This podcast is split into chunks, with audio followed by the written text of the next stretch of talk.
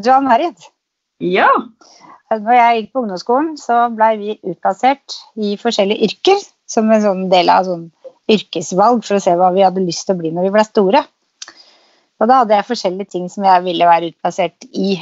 Og frisøryrket var en av de tinga. Og så ble vi utplassert, jeg og en som heter Lars Are, i en frisørsalong nede i byen. Og tenkte jo at vi egentlig bare skulle gå og vaske og rydde hele uka.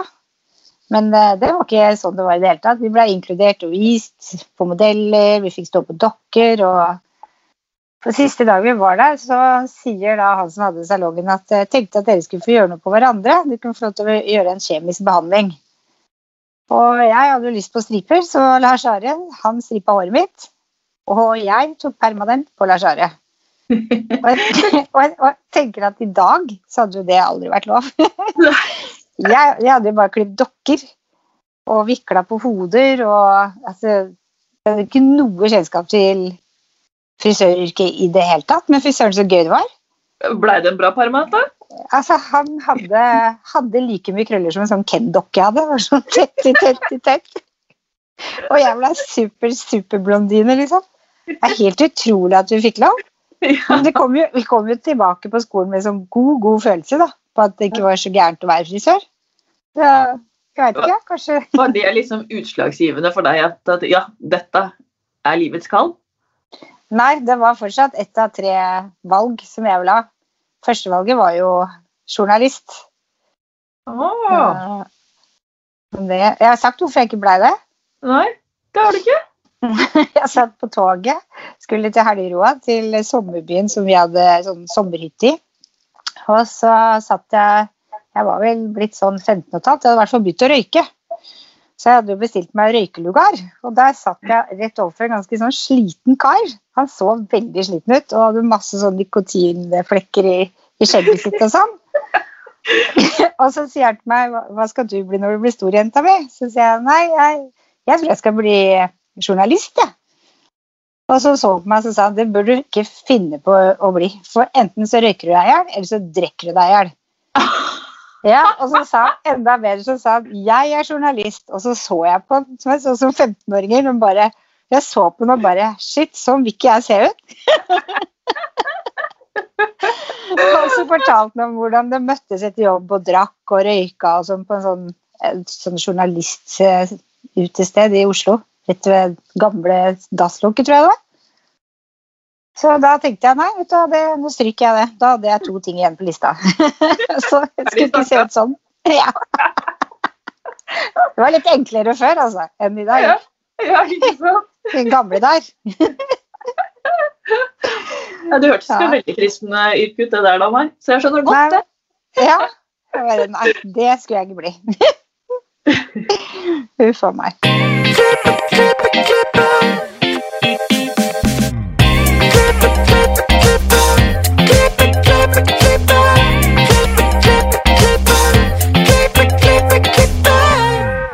Velkommen til Hårpodden. Jeg heter Ann-Marit. Jeg heter Renate. Ja. Hvordan har din uke vært, da? Uka mi har vært sånn smakk, smakk, smakk. Nå liksom hadde jeg visning på leiligheten på Frogner på søndag. Mandag og tirsdag hadde jeg gitt bort alle møbler og vaska ned. Gjorde jeg på kvelden. Og nøklene ble overlevert, og nå er jeg ferdig med det. Så nå er jeg fast på Kjelsås, og det er veldig deilig. Og så deilig. Så det er uka mi. avslutta kapittelet på, på Frogner. Ja. Var det vemodig, eller? Eh, nei, ikke nå. Nå var det bare deilig, liksom. Så å, bli, å få det overstått og liksom bare få konsentrert meg om det som skjer her, og jobb. Vi går jo inn i julerush og Ja. diverse, så jeg vil ha beina planta uten å ha det hengende over huet. ja uka, det, ja, uka di, ja. Nei, jeg har eh, Vi er jo i november, er nå vi spiller inn i november. Og denne måneden her er jo ganske hektisk for meg. For jeg skal jo levere eksamen i slutten av måneden. Og så har jeg jo tenkt å ta årets frisørbilder. Mm. Og så i dag så fikk jeg to barn med feber. Hyggelig. ja, jeg bare å hjelpe, og så begynner det å kverne. ikke sant? Rekker jeg dette, og blir dette liksom Får jeg det til, eller kanskje jeg må avlyse noe, osv. Så, videre, og så, videre. så tenkte jeg jeg må bare slutte, jeg må bare ta dag for dag. Mm. Slutte å kverne på den måten der. Det kan hende gå kjempebra, og hvis det ikke går bra, så er ikke det verdens undergang heller. Nei, det er jo ikke det. Ja, det, det ja det, det er jo Er man sjuke? De er ikke De er veldig små, så de har ikke noe korona eller noe sånt, de, altså. Men eh, familie først, selvfølgelig. Absolutt. Mm. Det er jo lett for å bli sånn. Jeg er jo sånn med mine bilder, jeg òg. Skal, skal ikke, skal, skal ikke. Men så skal jeg jo, da. Ja, så bra. Hver, hver gang jeg sier jeg skal ikke, så går det ett sekund, så angrer jeg, så skal jeg. Ja. Ja. men det blir. Det blir ja. Absolutt. Der er jeg full gang. Men vi sitter jo ikke her alene. Vi har jo med oss noen på Skype. Ja. Dagens gjest er bergenser og jobber som frisørlærling. Hun er født til feil kropp og ønsker å fortelle om hvordan det er å være transkvinne i frisøryrket. Det gleder vi oss veldig til å høre om. Velkommen til oss, Lea Sofie Winther. Hei, hei. Hallo! Så hyggelig å ha deg med. Takk for det. Kan ikke du Er det bra? Kan ikke du starte med å fortelle om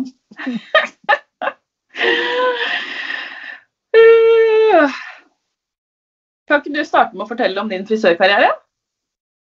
Jo, um, jeg begynte på Frisørinstituttet i Bergen uh, i starten av 2019. Eh, det var ganske tilfeldig at jeg begynte der, egentlig. Jeg hadde begynt på VG2 på studiespesialiserende sånn tre ganger. Aldri fullført. Eh, og så var jeg hårmodell på en eksamen på Frisørinstituttet, og jeg bare OK, her skal jeg begynne. Og så var det gjort. Det var liksom det. Og da gikk jeg der i et halvt år. Og så begynte jeg å eh, gå i lære i Oslo eh, rett etterpå. Eh, jeg tok siste eksamen på skolen fredagen. Og tirsdagen uken etter var jeg begynt å lære i en helt annen by. Så det gikk ganske fort. Og brått har jeg vært lærling i to forskjellige byer og gått på skole og ja. Jeg må bare spørre, når du satt eh, modell på Var det Sandbrød? Nei, det var på en frisørskole. Ja. Hva, hva var det som gjorde at du, du tenkte at «Åh, dette er plassen for meg? Var det liksom noe spesielt, eller? Fordi jeg så rundt og så at jeg kunne gjort en bedre jobb enn alle andre. Nei. Bare tulla. Um, nei, jeg syns det så interessant ut å lære om liksom farger og teknikker og sånne ting, da. Så jeg følte at jeg ville hatt utbytte av å gå der. Og så var jeg eneste i min vennegjeng som ikke var frisør. Ah, såpass. Og, men uh, du flytta da fra Bergen til Oslo. Ikke så mange var det du begynte på da? Da begynte jeg på Ekokult på Frogner. Ah, så gøy! Kjente Ja. du noen der, eller bare hadde du hørt om de, eller? Jeg kjente ingen. Jeg kjente to personer i Oslo når jeg flyttet. Så Oi. Jeg skrev et innlegg i den kun for frisører-gruppen på Facebook. Og eh, skrev om noen hadde en ledig læreplass. Og da Det var vel helt sånn jeg kom i kontakt med de da. Jeg søkte jo egentlig i Oslo på tull. Um, både der og på en annen kjent salong. Og jeg trodde egentlig ikke jeg kom til å få noe respons på det i det hele tatt. Men eh, plutselig sto jeg litt oppi det, og da måtte jeg bare si ja. Du føler at du har valgt riktig? Ja, jeg lærte jo kjempemasse der, og jeg følte at jeg fikk en ganske god kickstart på læretiden i forhold til uh, hvordan jeg ser at andre går gjennom læring da. At jeg gjerne har lært litt andre ting og jobbet litt mer teknisk og sånne ting.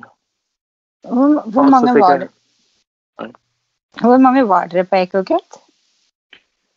Det var veldig mange, egentlig.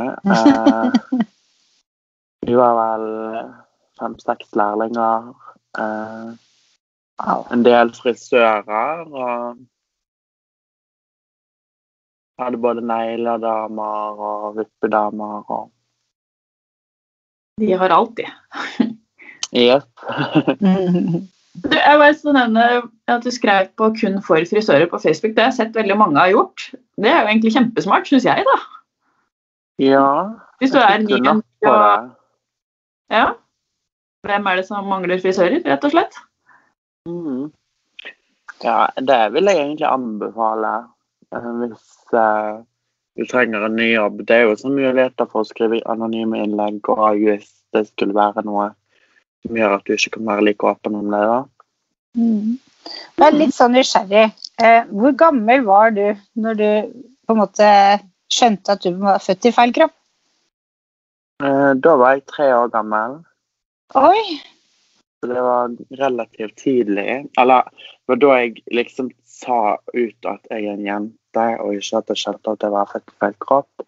Eh, For det visste jeg ikke hva, hva var før litt senere, da. Men jeg har liksom Mm. alltid følt på de tankene. Hvordan, reag... Hvordan reagerte foreldrene dine da? Tenkte de liksom akkurat det samme når du sa jeg er en jente? Tenkte de ja, ja det er du. Liksom. Eh, mamma tok kontakt med den avdelingen i Oslo som har med det å gjøre fra den alderen. Hadde jevnlig kontakt med de angående det. Eh, men det måtte liksom ventes litt med, og jeg måtte på en måte si det ut med egne ord. At jeg vil bli jente istedenfor bare sånn jeg er jente. Det var liksom krav på hvordan man burde gå fram med det da. Men eh, foreldrene mine tok det veldig positivt og var støttende. så bra. Men hva, hva liksom Tre år, da er du veldig ung, altså. Det, Ja. Hva var det som liksom Jeg har en million spørsmål, kjenner jeg. Men hva var det som følte at Følte du Hva, hva følte du? var det som gjorde at du skjønte at dette her er feil? Um, jeg har liksom aldri assosiert meg med gutter i det hele tatt. Um, jeg har alltid følt for å kunne ha langt hår, et annet navn, sånne ting da. Eh, ikke det at det ikke er mulig å gjennomføre uten å endre på det kroppslige òg, men jeg slet jo veldig mye med det kroppslige. Så da var det liksom den rette veien å gå for meg. Har det vært eh, Hva er det liksom responsen har vært mest da? Har det vært mest positivt, eller har det vært noe negativt òg, eller hva, hva, hva Det har vært eh, mest positivt, eh, noe negativt innimellom. eh, som oftest fra gutter, men ellers har det vært mest positivt. Bra. Tenker jeg at når du i tillegg har valgt å jobbe i så fint yrke som frisøryrke For der er vi, vi er jo så rause. Altså, det er liksom ingenting som er det er ingenting som er at vi tenker at det var unormalt eller det er rart. I hvert fall tenker jeg alltid bare ah, ja, så trekker jeg på skuldrene, og så, ja, så er det greit, liksom. Det er, det er ingenting som føles annerledes, tenker jeg, når du er frisør. Eh, jeg merket jo at det var vanskeligere å få jobb pga. det. Oi, Eh, ja. Jeg søkte på over 50 salonger før jeg fikk napp når jeg skulle begynne i lære. Og de sier kanskje ikke hvorfor, eh, men når jeg eh, har kommet så- såpass langt praktisk som jeg hadde gjort eh, når jeg gikk på skolen, og fikk gode karakterer i det teoretiske, så følte jeg liksom at det må jo være en eller annen grunn som gjør at jeg ikke blir valgt, mens alle andre får læreplass.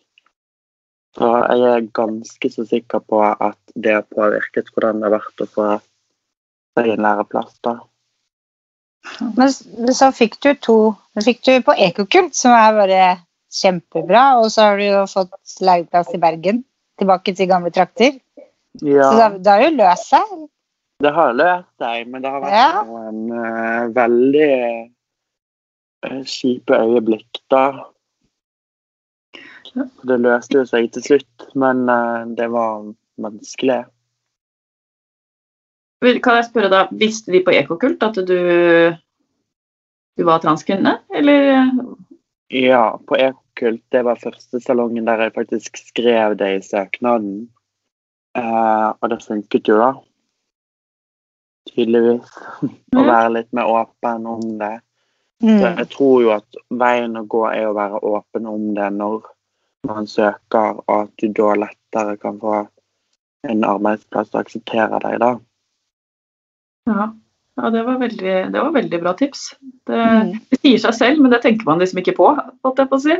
Da veit du liksom arbeidsgiver at du Da veit de hva de har å forvente. Mm. Mm. Men du har jo også vært åpen om det på God morgen Norge. Hvordan var det?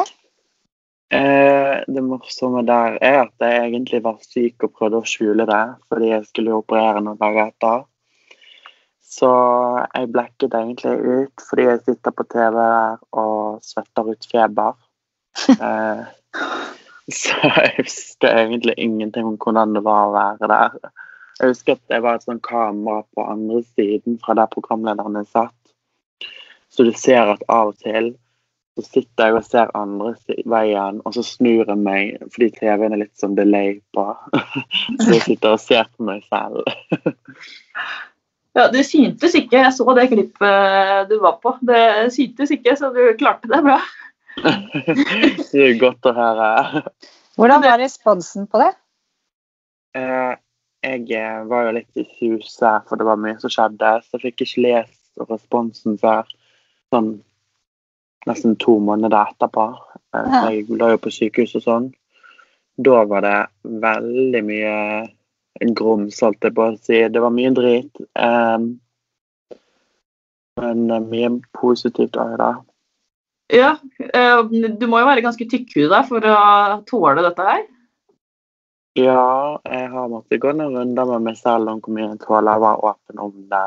Eh, du kaster jo deg selv litt til ulvene når du gjør noe sånt, da. Men eh, noen må jo gjøre det for at det skal bli en positiv forandring, da.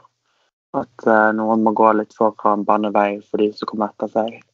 Mm, det er sant. Ja. Da, da må jeg bare si at da er det veldig bra at eh, det er Joe Biden som blir president i USA, da, og ikke Donald Trump, når du først skal bane vei. For da har du i hvert fall en person som er raus og holder flagget oppe for alle. Ja, jeg eh, skal ikke uttale meg så mye, men Donald Trump er nok ikke en av mine favorittmennesker på kloden. Nei.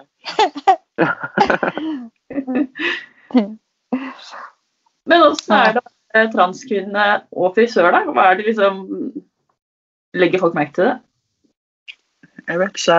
Eh, jeg pleier ikke å spørre kundene mine, eh, og de pleier ikke å spørre meg. Eh, så det pleier å gå helt fint. Jeg hadde bare én episode der det skjedde noe. Eh, da var det en eh, nordlandsk kunde som bare skrek ut 'Å, ser du en mann?' Og jeg bare OK. og så fikk jeg andre lærlinger til å ta og farge henne. Men ellers så har det gått helt fint. Hva, er, hva er det du liker aller best? Hva er ditt spesialfelt innenfor eh, frisøryrket? Eh, balayage, eh, Ja. det er min greie. Jeg begynner å få sansen for eh, klipper som er litt mer innviklede og litt utenfor det hverdagslige. Eh, men balayage og ulike typer fargedesign, gjerne med litt crazy colors, er min greie. da. Så farge er liksom din passion. Farge, ja. ja. Ja. Eh, jeg er ikke så glad i klipp egentlig, men farge, det digger jeg. Men du ser at hvis du begynte å like litt sånn typ annerledes klipper og sånn, så er jo det egentlig perfekt, for at en farge understreker jo det du vil vise fram i en klipp. Ja, Så du får jo full pakke, så det er jo supert. Ja, jeg syns det er gøy å være kreativ, så lenge det er litt sånn ting som er litt utenfor boksen, så liker jeg det. Men Ja. hvis det bare er en sånn vanlig helformklipp med som er horisontal, så, så er det bare OK. Hva er din frisørdrøm? Jeg vil jo bli stor, holdt på å si, jobber med store navn. Eh, Jeg liker jo mye sånn styling, events og sånne ting. Så det å kunne være frisøren til noen som er større, hadde vært veldig kult. Ja, bra drøm. Yes. Kanskje starte noe eget etter hvert. Jeg er veldig imponert av en salong i London for eksempel, som heter Not Another Salon. Som gjør veldig mye sånn gøyale farger. Og så har de òg en egen sånn greie der du kan bestille sånn silent treatment eller noe sånt. Der du bare sier hva du vil ha, og så snakker ikke du med frisøren resten av timen. Oi! Det er jo noen som liker det òg. På en måte prøve å komme opp med litt sånne konsepter som er litt utenfor boksen for å finne noe for enhver person, da. Det er nesten sånn en sånn restaurant det som er i Oslo, som skifter meny hver dag, og så veit du ikke hva du får når du kommer. Da kommer liksom bare kokken ut med, med retter på retter på retter. Det er egentlig helt fantastisk, da. ja, men eh, altså Silent treatment, altså det hadde jo Det høres helt fælt ut, men det hadde jo av og til vært litt digg liksom for oss òg, at man slipper å snakke i fire timer òg. Eh, men eh, folk liker forskjellige ting, og da tenker jeg at jeg vil skape noe nytt der man kan være åpne for at det kommer forskjellige kunder og forskjellige frisører. da. De litt outsiderne skal være velkommen i min salong. Mm, så bra. Jeg syns det hørtes kjempesmart ut å ha det sånt, For jeg har jo kunder som ikke ønsker å snakke eller sånn. Liker helst å styre med sitt, liksom. Så jeg syns det hørtes kjempesmart ut. Og så gjelder det å skille seg ut òg. Mm. Ja, I det hav av frisører som fins. Jeg, jeg, jeg må bare spørre, det kan være du ikke ønsker å, å svare på det, men jeg er litt nysgjerrig. Fordi du har jo gått gjennom en sånn prosess, en forvandling, hvor du lå lenge på sykehuset. Hvordan var den prosessen? Eh, tenker du da prosessen fra start til slutt, eller på sykehuset? Ja. Nei, jeg tenker liksom fra du liksom Nå skal jeg opereres, og du var operert, og etterpå og sånn. Hvordan, hvordan har det vært? Um, det, det tok jo mange år før jeg fikk operasjoner, da. Eh, så jeg hadde jo liksom rosemalt det litt oppi hodet mitt, tenkt at alt kom til å gå så veldig bra. Eh, men så fikk jeg veldig mye komplikasjoner, og jeg lå der ufattelig lenge. Eh, følte jeg aldri kom ut. Verden styrte på utenfor. Jeg fikk eh, mye gossip på sykehussengen om frisørsalonger og bla, bla, bla. Men jeg følte liksom at alle andre sitt liv gikk videre, mens jeg bare lå stille i en sånn boble. Men med en gang jeg kom ut igjen, da, så følte jeg liksom at ting var akkurat som før. Så Tiden hadde kanskje ikke gått like fort som jeg trodde da for de andre. Og ting var fortsatt det samme, da. Men eh, Nei, det var veldig tøft å ligge der såpass lenge og mye smerter og Er, er du glad for at du gjennomførte det? Ja, men eh, hell no at jeg hadde gjort det igjen. For så. si det sånn. Var så ille. Ja, nei, det var helt Altså, hadde jeg visst at alt det der skulle skje, så hadde jeg aldri gjort det. Men nå når jeg er ferdig, så er det greit å si sånn Ja, jeg er glad jeg gjorde det, men jeg måtte Mm. jobbe med meg selv veldig mye etter det. Og det påvirket jo både jobb og sosialt liv og sånt i et halvt år etterpå, minst. Så det har ødelagt kroppen min på mange mulige måter, og jeg ville aldri gjort det igjen. Men nå, nå har jeg gjort det, og da er jeg glad for at jeg har gjort det. Bra. Alt i sin tid. Yes. Ja. Vi har noen uh, faste spørsmål til deg òg. Har du noen Ja. tips til unge frisører?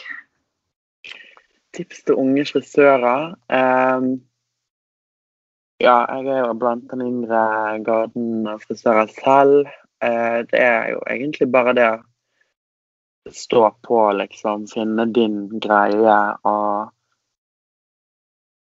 prøve å finne ut hva du vil innenfor yrket, istedenfor å gjøre som alle andre gjør. Eh, og prøve å skape en kundebase med noe som er ditt eget. Og så syns jeg Instagram er et fantastisk virkemiddel i yrket vårt.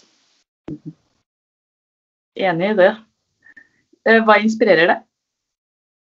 Eh, jeg blir jo inspirert av mange ulike frisører. Jeg blir inspirert veldig av en fra Bergen som heter Ina Korseron. Eh, jeg blir inspirert av den salongen jeg nevnte i London. Jeg følger hver og en av de og ser hva de gjør. Altså, jeg føler meg som et barn på julaften når jeg ser de har postet et nytt innlegg. Så det er mye som inspirerer meg. Men uh, mest farger og altså, selv blomster inspirerer meg. Ulike typer fargekombinasjoner da inspirerer meg mye. Mm. Hvis du kunne forandra frisørbransjen, hva skulle det vært? Um, at det var plass til litt uh, folk som var litt mer annerledes. At alt ikke var så standard. At man på en måte kunne gjøre sin egen greie uten å bli dømt for det. da. Mm. Og så hvor finner vi det på sosiale medier? Eh, jeg har akkurat lagd meg en ny frisørbruker. Jeg eh, ville starte med litt blanke ark, og den heter Elea Hår. E-L-E-A-H H-A-A-R. Mm. Mm. Tusen, altså jeg er litt sånn blown away. Tusen, tusen takk for at du ville dele din historie med oss, Elia. Det, Ingen det var... problem. takk for at du fikk komme. Ja, jeg må bare skyte inn og si at jeg syns det er kjempefint at du vil komme og dele den historien og bane litt vei for andre som syns det er tungt å gå denne veien. Det, ja. Jeg er veldig glad for. Takk for det. Takk for at dere ville snakke om det og prøve å normalisere det litt mer i frisørbransjen òg, da. Og så følg gjerne oss på våre sosiale medier. Dere vet hvor dere finner oss. Og så høres vi neste uke. Ha det! Ha det!